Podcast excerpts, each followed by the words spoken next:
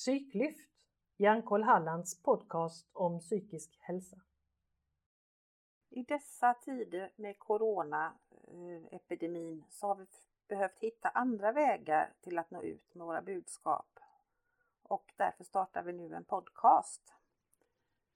Och vad den podcasten ska handla om ska vi berätta om strax.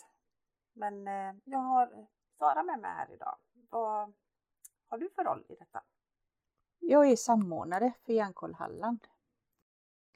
Och Hjärnkoll Halland har i dagsläget utbildat 19 ambassadörer eh, som är mellan 21 och 60 år. Eh, och de ambassadörerna eh, föreläser om sina erfarenheter av psykisk ohälsa. Eh, och antingen har de egen erfarenhet eller så har de erfarenhet som anhöriga. Och de har väldigt varierande erfarenheter. En del pratar om ADHD, andra om psykos eller beroende, självskadebeteende, IPS, autism, utmattning, bipolaritet och mycket annat. De har också andra erfarenheter än sin diagnos. De är sjuksköterskor, lärare, industriarbetare, studenter och egna företagare bland annat. Ja, för det är väl så, tänker jag, att alla kan drabbas av psykisk ohälsa i någon form oavsett vad du har för yrke eller arbete eller vad du har för situation i livet. Ja, absolut. Och ingen är ju immun mot psykisk ohälsa. Och snarare är det väl så att någon gång i livet så drabbas nästan alla av någon form av psykisk ohälsa som kanske utlöses av en kris eller en sjukdom. Vilka personer kommer att göra den här podcasten? Eh, det kommer vara olika personer som gör olika avsnitt, men alla kommer komma från Hjärnkoll. De flesta kommer vara ambassadörer, men ibland kan det hända att en anställd eller någon från styrelsen kanske hoppar in och är med på något som berör. Man kan även tänka sig att vi intervjuar det kan vi absolut. ungdom eller någon personal någonstans om psykisk ohälsa framöver. Absolut. Det första avsnittet kommer handla om skam. Och där får ni träffa Karina och Lill.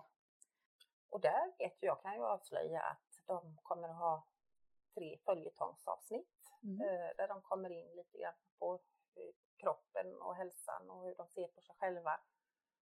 Så att eh, det kommer bli väldigt, väldigt spännande.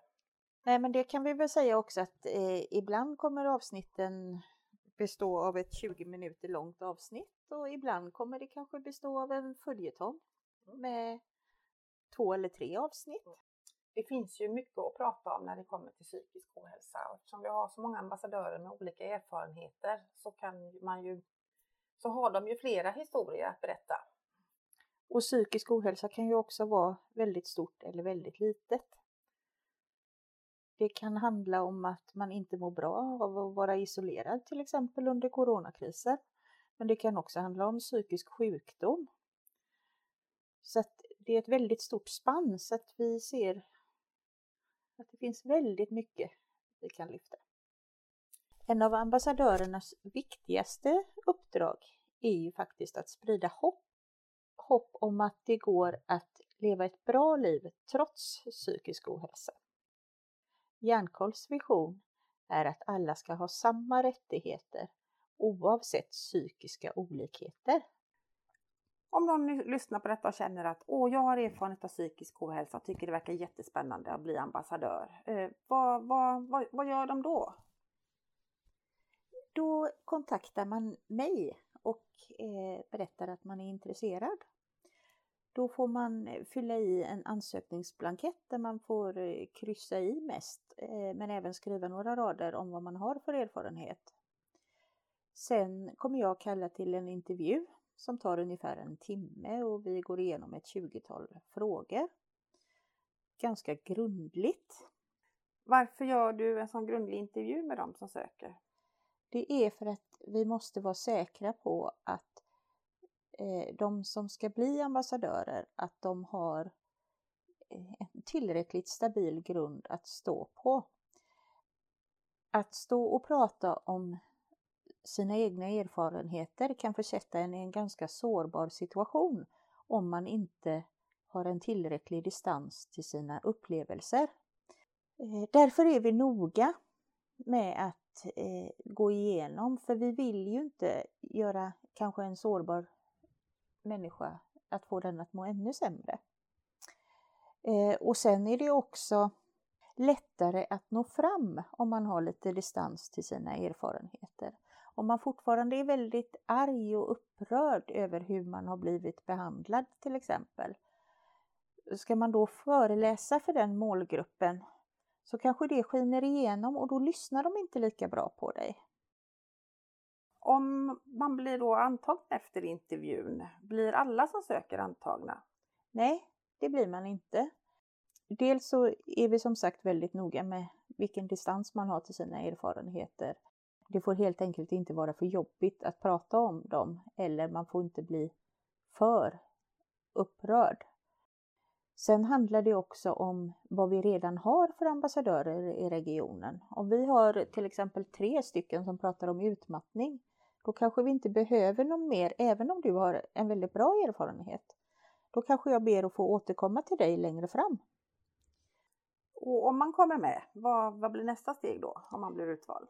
Då blir nästa steg en tre dagars utbildning som eh, vi genomför i samarbete med Riksförbundet Hjärnkoll. Eh, så att den utbildningen ser likadan ut över hela landet. Så alla de 350 ambassadörer som finns i Sverige har gått igenom samma utbildning. Det är jättebra.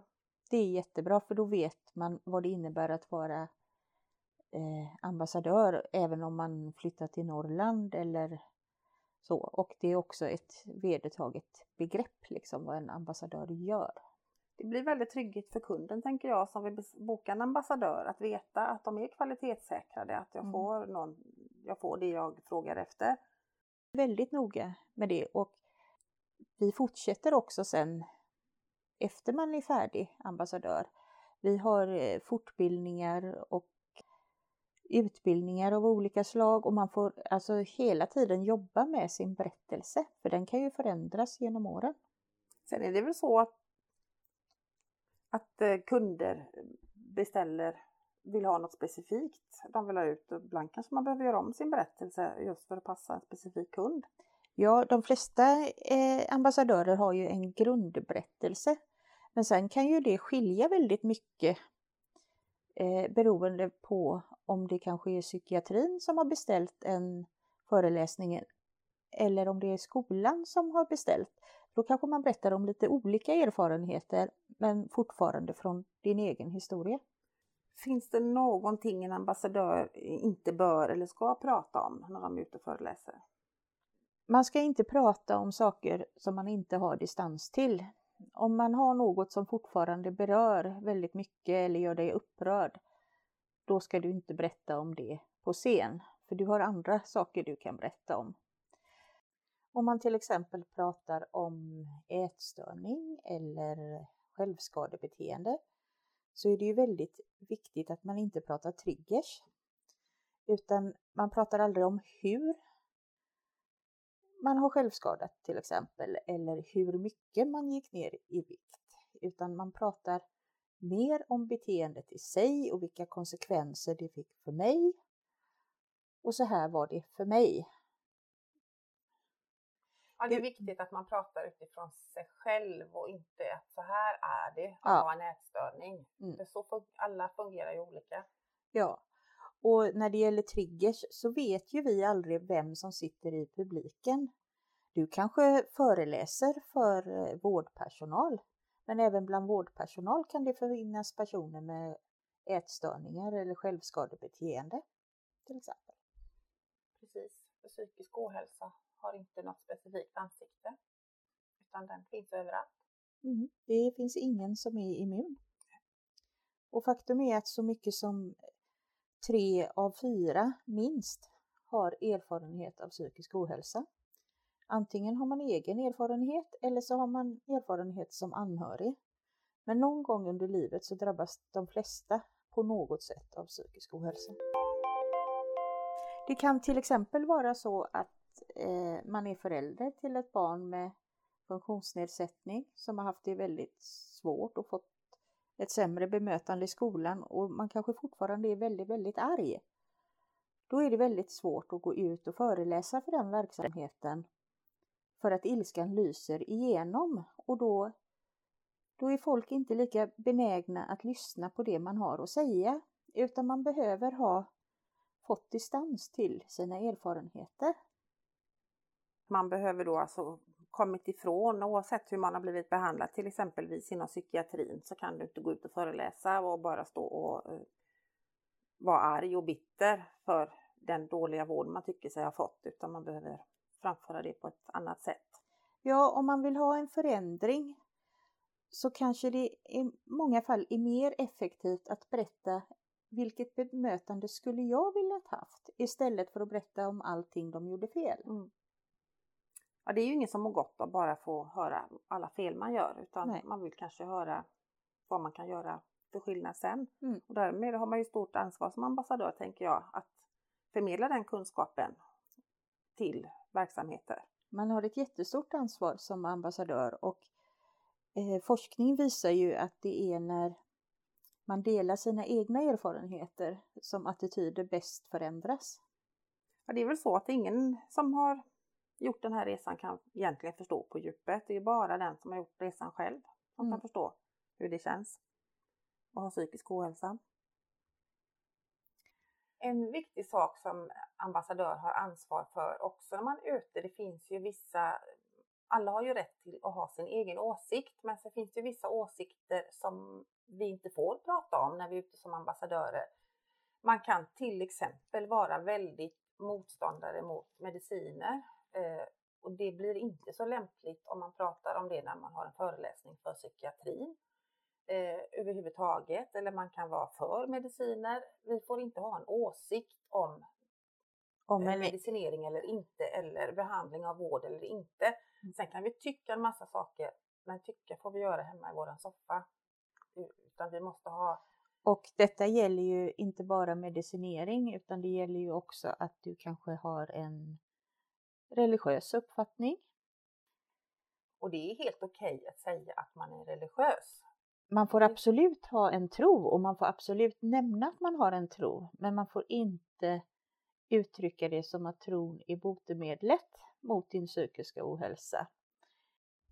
Detsamma gäller ju även politiska uppfattningar. Fall som rör politik, religion och medicinering eller till exempel alternativmedicin. Precis. Hälsa och kost. Eh, hälsa, eh, motion och hälsa och kost är väldigt viktigt men vi får inte liksom säga att gör du det här, tränar du detta eller äter du den här maten så blir du frisk. Det Nej. kan vara farligt. Däremot kan man berätta att för mig har det varit väldigt viktigt att sköta min kost och motion som ett led i mitt mm. tillfrisknande. Det kan ju också vara så att en viss medicin har funkat för mig och därför så tycker jag att det är den bästa. Men jag kan ju inte stå och säga att det här är den enda medicinen som fungerar på det här tillståndet. Så är det inte för alla och i publiken kanske det är någon annan som har en helt annan uppfattning om den medicinen. Och där sa du något viktigt. Det här har varit bra för mig. Mm. Men det är inte säkert det funkar för dig. Precis. Och det är viktigt att man har det som utgångspunkt hela tiden. Att jag kan bara prata utifrån mig själv. Men är det likadant i NSPH? Pratar man utifrån egen erfarenhet där också? Man utgår från sin egen erfarenhet naturligtvis, men när man är ute och representerar så måste man lägga sig själv åt sidan. För när vi representerar och representanter i regionen, då måste vi kunna ge en röst åt alla oavsett vad de har för diagnoser eller bakgrund. Då kan jag inte sitta och prata utifrån mig själv och hur jag har det eller inte har det eller hur dåligt jag mår eller inte mår. Eller ta, till exempel ta upp personliga saker som att jag fick, inte, jag fick inte komma till en läkare. Det är inte relevant i de sammanhangen. Så där måste man kunna ställa sig själv åt sidan. Och det gäller ju även här att man behöver vara återhämtad och ha distans till sig själv för att kunna klara av det. Det ser vi i NSPH som den viktigaste språngbrädan. Alla kan inte vara överallt och vara med överallt. Man behöver ha den så pass stor kunskap så att man kan axla den rollen att vara en representant och prata för alla. Det låter väldigt klokt. Det är, ja, det är viktigt tänker jag för att vi har också ett ansvar för de människorna som befinner sig och är sjuka just nu, som befinner sig i vården och har det tufft. Och då behöver vi också kunna förmedla en röst till dem för att göra det, försöka förbättra villkoren. Men eh, Marianne, kan inte du berätta lite mer om NSPH? Ja, det kan jag göra. Eh, NSPH Halland, NSPH står ju för Nationell samverkan för psykisk hälsa och det betyder att eh, flertalet organisationer går samman och bildar ett regionalt nätverk för att kunna påverka mer regional, på regional nivå. Och i Halland startade vi för tre år sedan och vi har sex stycken medlemsorganisationer med oss. Eh, men NSP har ju funnits på nationell nivå sedan 2007 Eh, och där de startades 13 stycken riksförbund. Sen har det mynnat ut i att NSP har startat nätverk i eh, flera delar av Sverige och finns i stort sett idag i alla regioner. Arbetet ser lite olika ut beroende på vilken region det är. Eh, alla föreningar har ju olika förutsättningar och regionerna har olika förutsättningar och man ser lite olika på vad det här med brukarinflytande är. För det NSPO främst jobbade ju intressepolitiskt för att öka inflytandet och förbättra villkoren för personer med psykisk ohälsa och funktionsnedsättningar. Så vi sitter ju med i mycket arbetsgrupper i, i psykiatrin, inom psykiatrin och i regionen och även i kommunerna lokalt. Eh, vad som är viktigt är ju att vi får delta som representanter på lika villkor som eh, tjänstemän inom kommuner och regioner och det har varit en svårighet, åtminstone i Halland. Att, Hur eh, kan det se ut i andra regioner?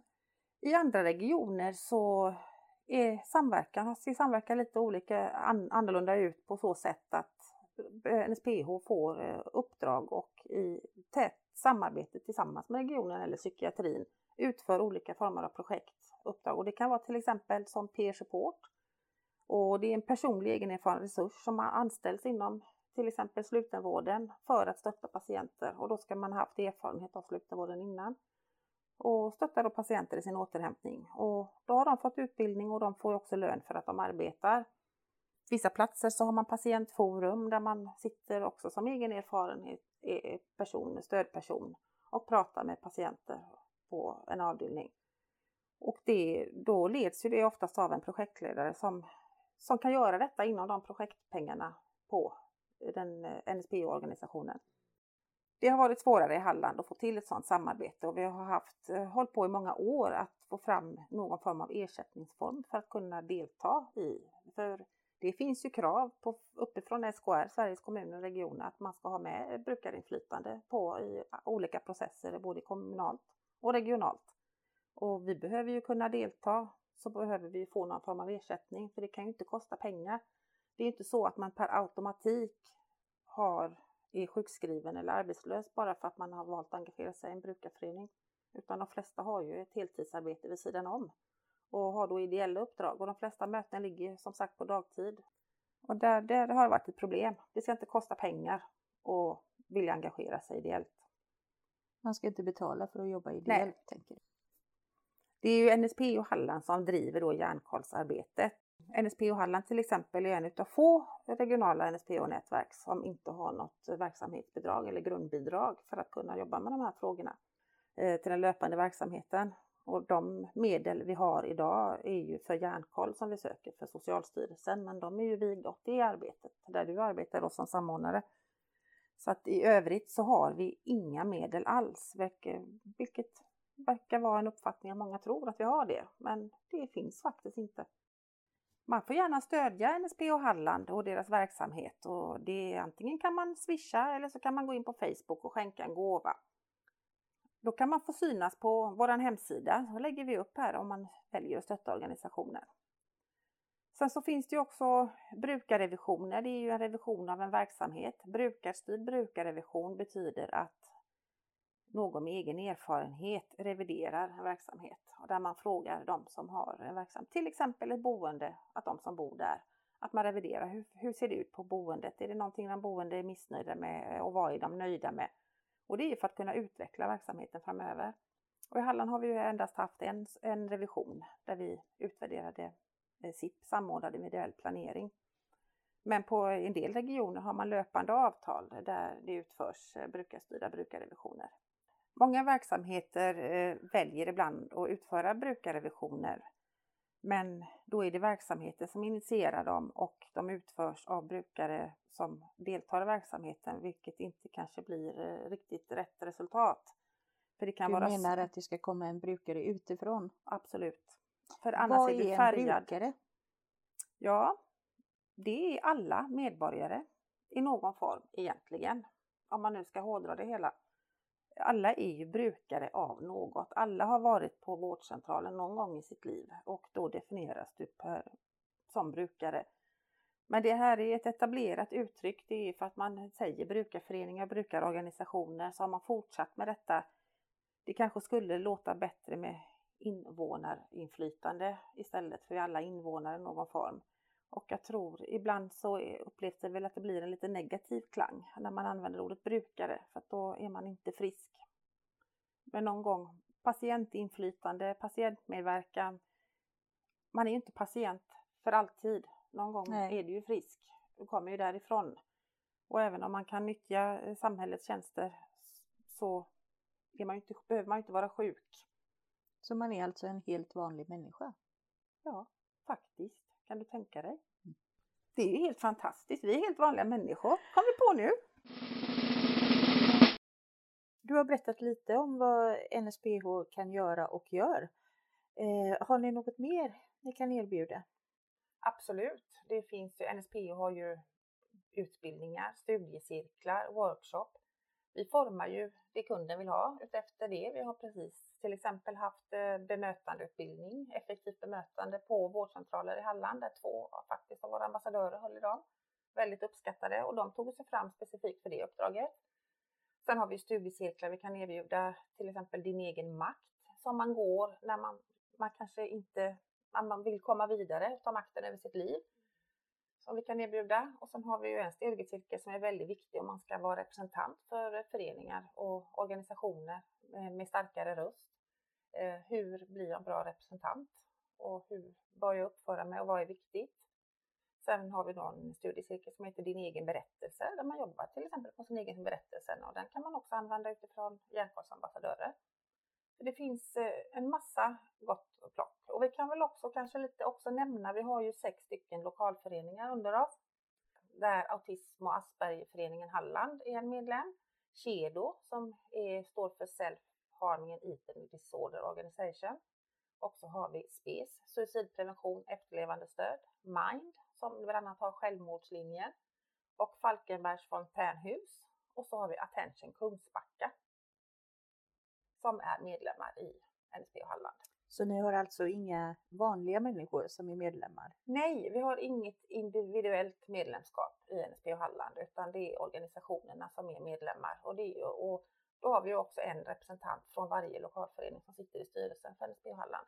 Så ni är alltså en form av paraplyorganisation? Det är precis det vi är.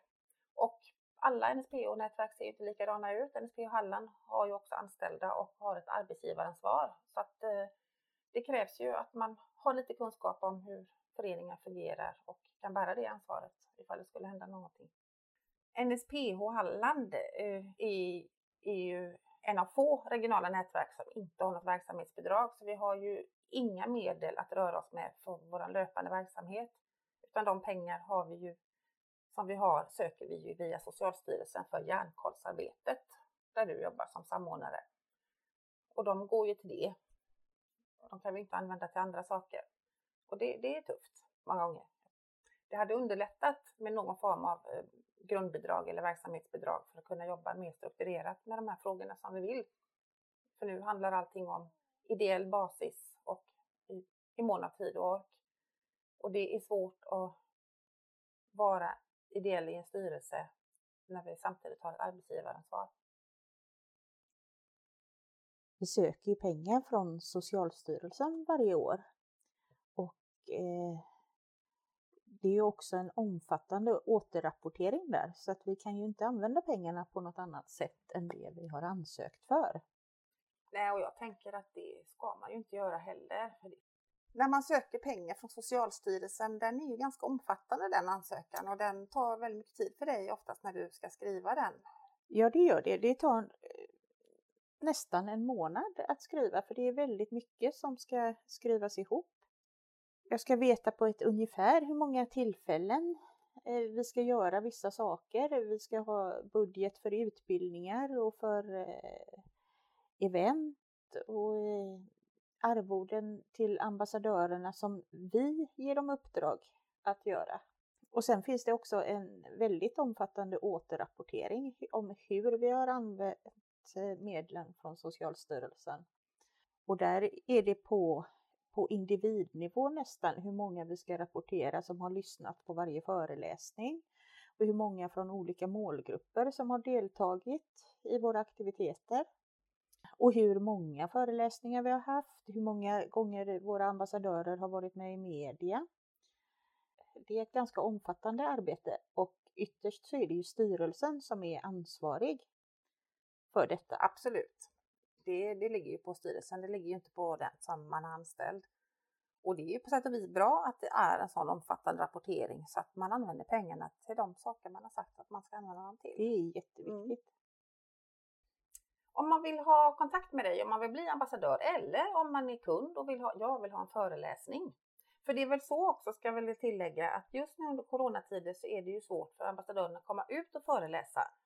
Men vi har ju också massa andra spännande grejer på gång med filmer som vi kommer att sprida nu på tio av våra ambassadörer. Och vi kan även erbjuda digitala föreläsningar, både live och som man kan få titta på i efterhand. Mm. Så det, om man då vill få kontakt med dig för att boka en föreläsning eller om man vill bli ambassadör, hur gör man då? Då mejlar man till mig på sara nsph-halland.se och övriga kontaktuppgifter finns på vår hemsida. nsphalland.se Och om man vill komma i kontakt med dig så då kan man gå in på vår hemsida så står kontaktuppgifterna där. Men nu tackar vi för oss och så ser vi fram emot nästa avsnitt. Och det kommer bli spännande. Missa inte det! Fortsättning följer. Missa inte nästa avsnitt